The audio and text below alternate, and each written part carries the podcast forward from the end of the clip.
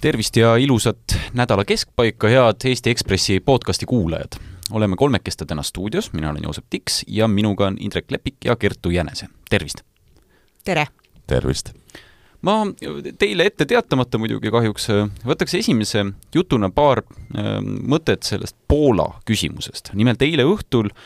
kaks talumeest või äh, töötajat tegid Poola piiril tööd, laadsid vilja, olid kuskil traktori juures ja ootamatult tabas neid rakett.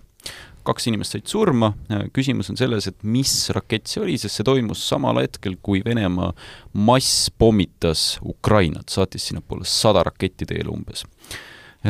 Ja praegu noh, võib-olla küsimus enne, kui ette tormata, ma, ma ütleks kõigile, et rahu, ainult rahu, sellepärast et senimaani pole selge, et mis see täpselt oli, et kas see oli Vene rakett, kas see oli S-300 rak-, õhutõrjesüsteemi rakett, et kust see pärines, mis see oli ja mis põhjusel see üldse sinna Poolasse kukkus. et reaktsioone on kindlasti väga palju praegusel hetkel, ähm, paljud kuskil Twitteris või muudes äh, chat-ruumides äh, nõuavad väga palju artikkel viie käivitamist, aga noh, kindlasti see ei ole nüüd esimene asi, mida tehakse, käivitatakse artikkel neli ja arutatakse, et mis see oli, mis põhjusel see juhtus ja kuidas reageerida ma sattusin just selle uudise ajal olema Välisministeeriumi saja neljandal aastapäeval, mis oli niisugune suur üritus eile, teisipäeval siis õieti Estonias, et eh, eks selle peale läks väikeseks sagimiseks jah, aga ega kõik andsid endale aru, et alguses seda infomüra on üsna palju, et eh, et kui eile õhtul esimesed teated olid sellest, et see on ehm, kindla peale Vene rakett, siis Pentagon on siin ju teatanud, et pigem oli tegu Ukraina õhutõrjeraketiga, aga, aga selle juures ei tohigi ära unustada, et ega ukrainlastel ei ole vaja neid õhutõrjerakette välja tulistada, kui venelased oma rakette ei tulista, eriti nii äh, läänepoolsete sihtmärkide pihta, et tegelikult äh, märgiline on see, et äh, tolle sama pisikese Poola aleviku juures või lähedal asub ka, kui mitte ainus, siis üks väheseid ähm, elektriühendusi Poola ja Ukrainaga. ehk siis tegelikult äh, Ukraina ja Moldova jaoks on selle pinge hoidmiseks, see on seesama, mida me Eestis siin selle desünkroniseerimise kontekstis räägime, selle pinge hoidmiseks on tegelikult sedasama ühendust vaja, nii et äh, igatepidi on see, on see niisugune nagu keeruline küsimus, aga igatepidi on ka selge, et vahet ei ole, kelle rakett see lõpuks oli, äh, põhjus selleks kõigeks on ikkagi see sõda aga värskest Ekspressist. Ähm, võtaks kolm teemat täna käsitlusele, meil on suhted, meil on äh, jalgpall jalgpallist me vist väga Ekspressis ei kirjutanud, Kotti Järvel ma vaatasin, oli äh, üht-teist kirja pannud, ja Kaur Kender ning kadunud miljoni küsimus räägime suhetest esialgu. Kertu, äh, sina võtsid väga põhjalikult ette äh, selle, mis toimub eestlaste suhtemaailmas, kus kohtutakse, kellega kohtutakse ja missugust äh, elu üldse elatakse, et kui ma siin ise järeldaks, siis ma saan aru, et kõik sellised traditsioonilised jaanipäeval rahvatantsud ja lõkke ääres kohtumised on läbi, jaani või seda sõnajalahõid keegi ei otsi ja minnakse Tinderisse hoopis ma arvan, et tehakse ikkagi kõike, aga nii nagu ütles äh, pereterapeut äh, Katrin Saali-Saul, siis mm, eksperimenteerimine käib, katsetamine käib, et ühiskond on muutumas, muutunud vabamaks ja sellega seoses inimeste suhted ka. aga mis minu jaoks oli nagu huvitav, et ähm, ma korra segan vahele, et see eksperimenteerimine, ma saan aru äh,, ma lugesin ka väga, väga selliseid imelikke või noh, imelik ei tohi öelda äh,, aga harjumatuid suhteid oli tekkinud, et ise olen harjunud, on ju, kahekesti on inimesed koos ja noh, umbes niimoodi nad hauda ka lähevad äh,, aga siin olid ikka, et mees ja naine elavad koos ja siis samal ajal on äh, suhtes kellegi teisega ja aktsepteerivad seda täiesti, ütlevad, nad ammu enam ei seksi, et, et äh, noh, see pole nagu nende värk, et neid hoiab koos hoopis mingisugune muu asi. et väga sellised äh, noh, ei oskagi öelda, et mis asi on suhe pärast sellise asja lugemist. Jah, aga samamoodi nagu kolm väga tunnustatud pereterapeuti, psühholoogi seda teemat kommenteerisid, et see nii-öelda avatud suhtevorm, mis, äh, äh, mida ka nemad oma kabinettides äh, läbi inimeste üha sagedamini näevad, et see ikkagi toimib ainult sellisel viisil, kui mõlemad osapooled on sellega rahul, et see, kui üks pool tahab sellist suhet viljeleda ja teine pool nõustub, et mitte partnerit kaotada, siis see kindlasti ei ole see viis, kuidas avatud suhted toimivad. aga mina ei kiirustaks näiteks hukka mõistma, et selles suhtes ma arvan, et äh, selline kokkulepe ja ausus on igal juhul parem kui, kui vana hea armukese pidamine. Ma noh, eelmine nädal ma mäletan, ma kirjutasin ähm, sellest äh, mis ta nimi oli, Timo Majuri, oh mees, kes Hotlipsi peab, tema oli ka väga selline avatud mõtlemisega, et ostke libestit ja pidage oma suhteid nii, nagu te tahate, et kas on, ongi tekkimas selline teatav seksuaalrevolutsioon Eestis, et või, või üldse maailmas, et inimesed kuidagi mõtestavad ümber seda, et missugune peaks olema siis nende voodielu ja elukaaslane? Ma arvan, et see on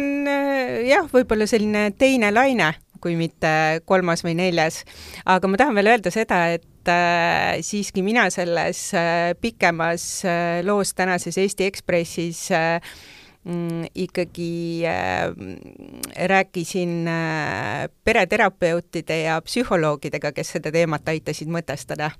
aga kuidas nad mõtestasid seda siis? mis nad ütlesid selle kohta, et äh, pange edasi? jah, pange edasi, aga selles suhtes, et äh, tegelikult äh, oluline on lihtsalt, mis oli nagu väga huvitav trend, mis minu arust veel käis sellest loost läbi, oli see, et pereterapeutide juurde aega saada on äärmiselt keeruline. Noh, nagu ka psühholoogide, psühhiaatrite juurde, aga mis on nagu levinud trend, on see, et pereteraapias käiakse lahutamas ehk siis, et ära hoida, no me siin hiljutistest juhtumitest kõik teame, et kui inetult võivad suhted lõppeda, aga eestlased on selles suhtes üha teadlikumad, et nad käivad, kui nad on juba teinud otsuse lahku minna, siis nad lähevad pereteraapiasse koos, et hoida ära suhete inetuks muutumist ja hoida ära seda, et lapsed saavad kannatada mm, rohkem ja ma arvan, et see on, ütleme, et kui me siin alustasime seda jutuajamist avatud suhetest rääkimisega, on ju, siis äh, tegelikult palju, palju huvitavam trend on tõesti see, et inimesed julgevad ja tahavad minna pereteraapiasse äh, otsima abi. kes see pereterapeut oma olu-, olemuselt üldse on, kas ta on psühholoog või, või mina võin ka hakata pereterapeudiks, et näen, et inimesed lahutavad ja siis ütlen, et aga olge sõbralikumad teineteise vastu, leidke keegi uus, kas, kas ma võin ka niisugust asja ajada? kui sa läbid, kui sul on kõrgharidus ja sa läbid äh, Äh, pereterapeutide väljaõpe, mis, kui ma nüüd ei eksi, kestab kolm pluss kaks aastat lausa. kus seda õppida saab? Äh, seda saab, äh, ma jään nüüd, see on, minu arust on Eestis isegi kaks kohta, kus saab seda õppida ja väga paljud kliinilised psühholoogid on omandanud lisaks selle eriala et nad täitsa nagu mõistavad inimmõistust ja teavad, kuidas see töötab ja jaa, absoluutselt. et ei ole uduea ajal? ei, ei, ei, ei, et äh, väga paljud pereterapeudid on äh, äh, kliinilised psühholoogid ja nii edasi, et äh, et Joosep, sinul on veel vara hakata. pereterapeudiks? jaa, et sa pead äh, läbima selleks enne äh, kolme kuni viieaastase õppe. aga mis nad ütlevad üldiselt, et kui hull Eestis suhetega olukord on, kestavad nad või on ikkagi lahkuminekuid palju? tegelikult ei ole hull, nad ütlevad seda, et äh, inimesed on järjest äh, teadlikumad, äh, et milline on üks tervislik suhe ja milline ei ole. Ehk siis, et suhe ei ole vangla ja see ei ole üks suur kannatuste rada, milles peab püsima ja, ja vahel sellest kindlasti ka tuleb lahkuda Eh, kui me räägime vägivaldsest eh, suhtest, vaimsest või füüsilisest vägivallast. et äh, selles suhtes nad jah, pigem kiidavad, et inimesed on teadlikumad ja julgevad otsida abi. et saavad aru, kui probleem on probleem? jah. aga siit teeks ühe kiire teemavahetus, ma mõtlesin, kuidas ma sellest nüüd üle lähen, et äh, suhetest jalgpalli, aga seal on kindlasti väga suur küsimus, sest paljud mehed, naised kodused pinged. kodused pinged, kas saavad lahenduse või saavad alguse nüüd äh, kohe jalgpalli MM-i ajal, sellepärast et mehed-naised hakkavad kindlasti teleka ees passima järgmised kuu aega ja neist kas ei ole siis tüli iva või just see tekitab tüli, et vii prügi välja Ants, aga Ants ei vii, sest Ants vaatab Walesi mängu hoopis televiis-, televiisorist. Indrek, äh, Kertu, mis te arvate, kes võidab MM-i? Mina olen olnud äh, eluaeg Inglismaa fänn, üldiselt see on niisugune masohhismi vorm. It's coming home jälle, jah? It's coming home, äh, EM-i ajal peaaegu et tuligi, kuniks siis äh, penaltiseerias siiski kaotati, et noh, mis seal ikka, ma hoian jälle Inglismaale pöialt. mina saan küll selle teema kohta kahjuks öelda ainult seda, et ma unustasin enda kaheksa-aastaselt pojalt küsida, et ai, tema on jalkaspets peres? tema on nagu meie pere jalkaspets, jah et kahjuks jäi küsimata. Minul on see, et ma olen Indrekuga peaaegu samas paadis, küll aga mulle meeldib Wales, mulle on aastaid meeldinud Walesi tiim, nad kahjuks jäävad kogu aeg vanemaks natukene seal, aga selline väga, no Eesti sarnaselt väike riik, kuigi Suurbritannia osa, siis eraldi nad kõik mängivad seal, ja, ja väga südikad, väga lahedad, mulle hullult meeldivad nad. Senegal on mulle ka meeldinud muidugi, aga ähm, kui ma nüüd räägin, et kes ma arvan, et võidab, siis ma tegin endale tabeli tegin niisuguse tabeli, kus ma vaatasin, et äh, kes alagrupist lähevad üksteise vastu, kuue, kuueteistkümnendikfinaalid, kaheksandikfinaalid, omavaarust peilisin välja, üritasin arvata, kes võidab keda. ja selle tulemusena ma arvan, et Brasiilia võidab no see oleks iseenesest äh, loogiline, Ladina-Ameerikasse ei ole ammu MM-tiitlit läinud, et et no seda ei jagata nagu Eurovisioonil muidugi. seda ei jagata nagu Eurovisioonil, aga Brasiilial on vahelduse mõttes ka erakordselt tugev eh, meeskond ja me ei saa ka kõrvale vaadata sellest, et kuna see mm toimub väga tavapäratult eh, hilissügisel, varatalvel, siis suuremates Euroopa liigades on ju mäng käinud mitu kuud juba ja siin päris mitu meest on pidanud selle turniiri vigastusega vahele jätma, sest et noh, mängid ühe liiga mängu, väänad jala välja Äh, oled võib-olla kaks-kolm nädalat eemal, aga see kaks-kolm nädalat juhtub olema parajasti Katari MM. no olgem ausad, muidugi kõikide nende suurte rahvustiimide paljud tüübid mängivad nagunii Euroopas. Äh, et noh, võtame siitsamast Brasiiliast Vintsiused või Neymarid, et ega nad on ju tegelikult Euroopa tiimides äh, mängijad, aga ma vaatasin sellesama tabeli järgi, et noh, alagruppides peavad võitma mingisugused tiimid, noh näiteks Brasiilia, Uruguay oli minu ennustus, et mis lähevad omavahel kokku pärast alagruppide võitu. Ja kõige raskem mäng minu jaoks, mis ma üritasin omavahel välja peilida, mis võiks tulla, Äh, täiesti nagu spekulatsioon, äh, kaheksandikfinaalis on siis Brasiilia-Belgia. Äh, et sealt ma tükk aega nuputasin, vaatasin FIFA edetabelit ja vaatasin, et mismoodi mängud on läinud viimati, et Belgia on näiteks Hollandi pähe saanud viimastel mängudel. no Belgia on ikkagi jah, minetamas oma seda sellist esikohta, et nende kuldne põlvkond on ikkagi samamoodi vanaks jäänud, nagu see siin kelle kohta sa ütlesid, kes siin vanasti, vanaks, vanaks on hakanud jääma? sina või? aa, Wales, jah mm. -hmm, jah, et noh, on vanu staare küll, aga pole kedagi uut säravat peale tulnud, et näiteks üks asi, mis ma arvan, et äh, võib meid üllatada, üks tiim, on äh, Portugal. kuigi nende Ronaldo on väga vanaks jäänud, siis neil on ju tohutu sats äh, väga häid mängijaid. et noh, Inglismaal ja Premier League'is näiteks Wolves, niisugune tiim, nende terve meeskond koosneb peaaegu et portugallastest ja väga-väga hea meeskond on. ühesõnaga, me saame siis siin stuudios suutis kõik äh, tunnistada, et ka meie oleksime enam-vähem juba varsti liiga vanad äh, kõigi nende meeskondade jaoks, aga, aga no juba oleme. aga selle sportliku külje kõrval on ikkagi ju kõige olulisem tegelikult see, et see mm toimub Kataris, äh, kohas, kuhu tuli kogu MM-i linnak nullist üles ehitada, jumal teab, palju neid nepaallasi ja teisi võõrtöölisi seal surma on saanud, siin pakutakse ikkagi hinnanguna üle tuhande inimese. et selles mõttes see mida see mm tegelikult sümboliseerib, et äh, ma ütleks, et see on nagu üsna jälk spordimängude viimine pahalaste kätte, ega see noh, ma ei tea, kas pahalane on õige öelda, aga väga ebaeetiline riik on ju, et, et esialgu oli Venemaa mm, siis nüüd on Katari mm, et järgmiseks ootame Põhja-Korea MM-i tõenäoliselt. Äh, jah, kuigi vahepeal siin saavad ameeriklased äh, kätt proovida, aga Ott Järvela, tuntud spordiajakirjanik ja, ja põhikohaga tegelikult jalgpalliajakirjanik, kirjutab meile selles lehes ühe arvamusloo ja muuhulgas tal on ikkagi oluline tsitaat just sellest eh, tippspordi eh, rollist, et et veebiloole ma panin selle ka pealkirjaks, aga et tippspordi diktaatoritele või tagurlikele režiimidele loovutamine kahjustab vaba maailma. et tegelikult, kui me võtame aluseks selle termini sports washing, eks ole, spordipesu, nii nagu me räägime rohepesust või mingitest muudest asjadest, et siis tegelikult äh, me oleme näinud, kuidas Katar, Araabia Ühendemiraadid, Saudi Araabia on endale kokku ostnud Euroopa tippmeeskondi selleks, et oma kuvandit äh, just lääne avalikkuse ees pesta et tegelikult ja sama on ju vormel ühes paljudes teistes spordialades, vormel üks ja jalgpall on võib-olla kõige prominentsemad neist. et et, et tegelikult me oleme loovutanud oma tippspordi igasugustele šeikidele, kelle jaoks inimelu ei tähenda mitte midagi, et, et, et ma ütleks, et tippsport on tegelikult sügavas kriisis ja eluaegse jalgpallifännina ütlen ka seda, et ega, ega mingit suurt erutust selle turniiri suhtes ei ole, puhtalt selle tõttu, kus see toimub kus see washing moment käib, ma mäletan, Vene MM-i ajal oli väga palju selliseid üle maailma toredaid pilte, kus inimesed lähevad näiteks Moskvasse Punasele väljakule või Peterburgi, teevad pilti, noh, nad on üle maailma kuskil kokku tulnud, Peruust, USA-st, kus iganes. ja tegelikult pole ju hullu midagi, väga tore on seal Venemaal, vaat, minuga ei juhtunud mitte midagi, sain ilusasti pilti teha, noh, Kataris samamoodi, et oodatakse suure rõõmuga, on ju, noh, mainepesuprojekt, nad selles mõttes, et, et oodatakse, et tulevad välismaalt rahvamassid ja siis nad teevad omast selfisid või mis iganes ja näitavad, kui tore riik see Katar tegelikult on. et seal juba on mingid paar sellist konksuga asja, mis ma olen vaadanud, paar videot, et üks oli selline, Katari televisioon näitas, kuidas fännid kõik kogunevad, kümme päeva enne muidugi MM-i on fännid juba tänavatel, siis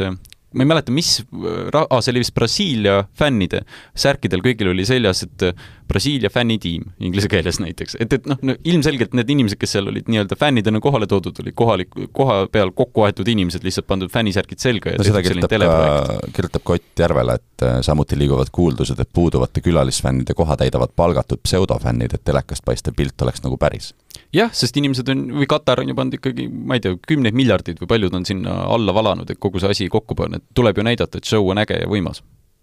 jah, ja pühapäeval hakkab see pihta, nii et äh, eks siis ole näha, kas see poliitiline kontekst jääb seda turniiri varjutama või, või räägime me sellest jällegi, nagu Ott Järvel ütleb, kahe tuhande kuuekümnendal aastal, nii nagu me rääkisime, räägime praegu seitsmekümne kaheksanda aasta MM-ist Argentiinas, kus samamoodi Argentiina hunta oli äh,, oli ikkagi sellises positsioonis, et ka otseselt turniiri tulemusi mõjutada. nii et, äh, et, et selles mõttes eks selliseid äh, kahetsusväärseid episoode on olnud ka minevikus ja nüüd ma ei oska ilusat teemavahetuse sellist sissejuhatust teha. kahetsusväärne episood. kahetsusväärne episood või raha või mis, millest ma parasjagu kinni haaran, et äh,